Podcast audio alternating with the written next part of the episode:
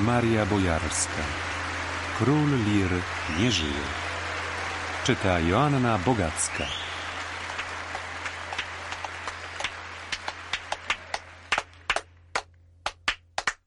Był taki wieczór, kiedy niespodziewanie przyszłam do teatru i co bardzo lubiłam, postanowiłam popatrzeć na przedstawienie z zakulis. I stałam sobie cichutko, oglądając niezapomnianą scenę odmrażania Prisipkina przez lekarzy. Po kilkudziesięciu sekundach absolutnego bezruchu zaokrąglony, wypięty brzuch leżącego na operacyjnym stole Prisipkina nagle wyraźnie się zapadał. To odmrożony trup zaczynał oddychać. A po niej następną. Moment przerażenia nowym, obcym, niezrozumiałym światem i próbę ucieczki. Tadziu osłaniając głowę obiema rękami, jako oszalały ze strachu Prisipkin, wbiegał w prawą kulisę, jak to było przewidziane w spektaklu, na dwie, trzy sekundy, nie więcej. I wpadł wtedy prosto na mnie. Okropnie się ucieszył, nawet roześmiał i dotknął mnie szybko i w okamgnieniu był z powrotem na scenie, wołając w trwożnym zdumieniu automatony, automatony. Nigdy nie zapomnę jednej z ostatnich scen przedstawienia, kiedy to zaszczutego, sponiewieranego, traktowanego z pogardą Prisipkina wyprowadzono z klatki, aby dać gawiedzi poczucie wyższości nad szkodliwym insektem. Tadzio ostrożnie, powoli przestępował próg klatki, lękliwie stawiał krok i nagle zauważał wpatrzonego w siebie chłopca i odruchowo uśmiechał się do niego. To był odruch z przeszłości, uśmiech z przeszłości. Szkodliwy insekt w tej jednej chwili okazywał się być człowiekiem, może małym, słabym, ułomnym, komicznym, nawet prostackim, ale człowiekiem. I to człowiekiem w okrutny, niewyobrażalnie okrutny sposób skrzywdzonym. Wielka rola, porównywana wówczas z rolą Artura Ui. Wielki teatr, wielka prawda o naturze ludzkiej, o tym, co dobre i co złe, o świecie. Ale do roli Lira wciąż było daleko. Kiedy w piątek 21 lutego zostaliśmy wreszcie sami, Tadeusz powiedział, że jest już spokojny. To on prowadził tego dnia próbę. Reżyser Żenia Korin musiał wyjechać. Poprosił aktorów, żeby mu swą grą postarali się opowiedzieć, w czym on właściwie bierze udział, o co chodzi w tej historii. Po raz pierwszy zobaczył całość i jest spokojny. Dotychczas brał udział tylko w swoich scenach, scenach Lira.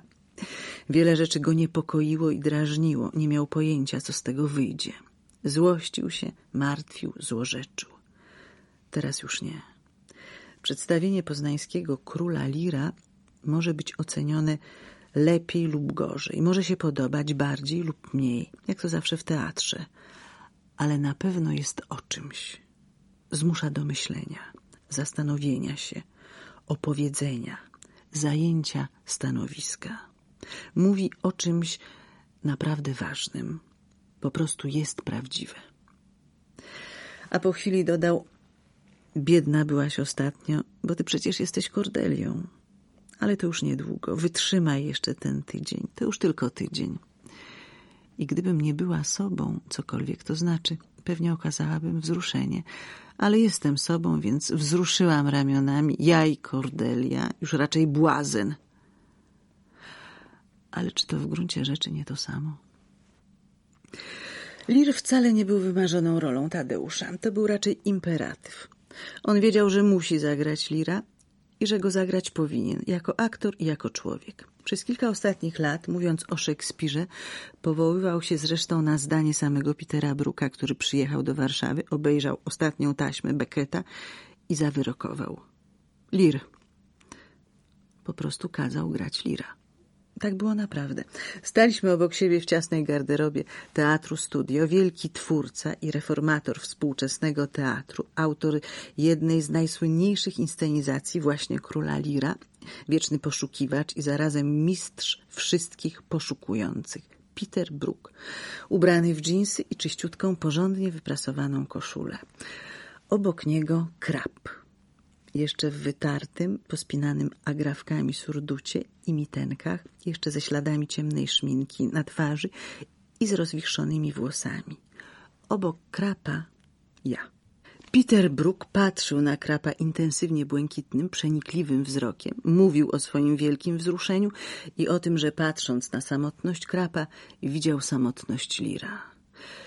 Pan powinien zagrać Lira, koniecznie. A może powiedział, panie, daj pan sobie spokój ze wszystkim i graj Lira.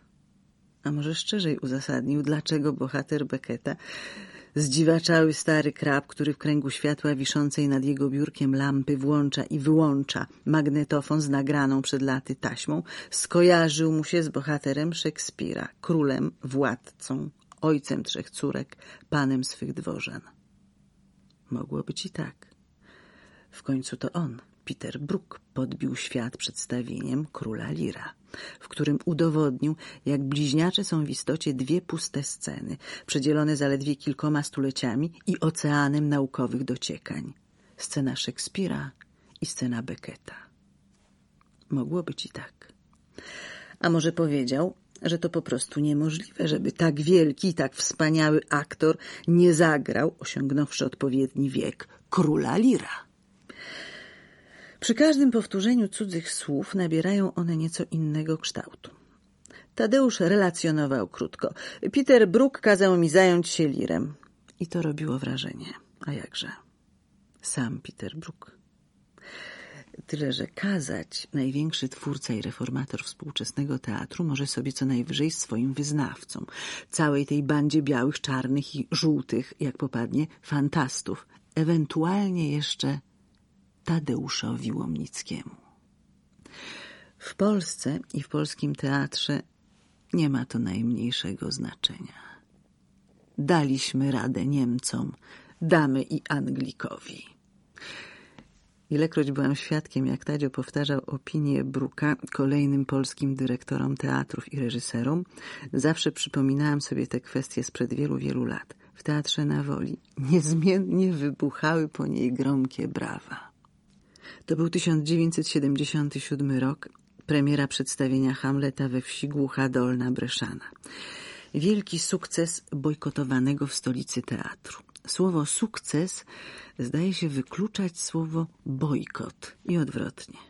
Na pozór. Bo w istocie nie jeden raz udawało się Tadeuszowi godzić sprzeczności, które wydawały się nie do pogodzenia nie tylko na woli, również w odległej na przykład Australii ale to była wola. I kiedy Tadeusz Łomnicki jako bukara, jugosłowiański kacyk partyjny, bagatelizował obawy inteligenta, czy wiejski, na prędce sklecony zespół amatorów z Głuchej Dolnej poradzi sobie z Szekspirem, kiedy rzucał ze sceny te właśnie kwestie daliśmy radę Niemcom, damy i Anglikowi, zawsze widownia długo biła brawa.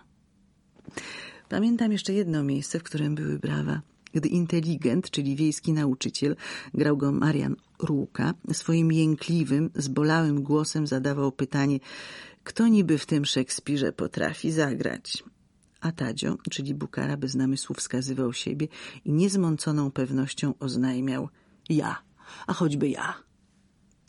Widzowie klaskali nie tylko dlatego, że w całej krasie objawiał się oto na scenie partyjny beton i zadufany kretyn. Bili brawo, bo gotowość grania deklarowały jednocześnie dwie osoby Bukara i Tadeusz Łomnicki.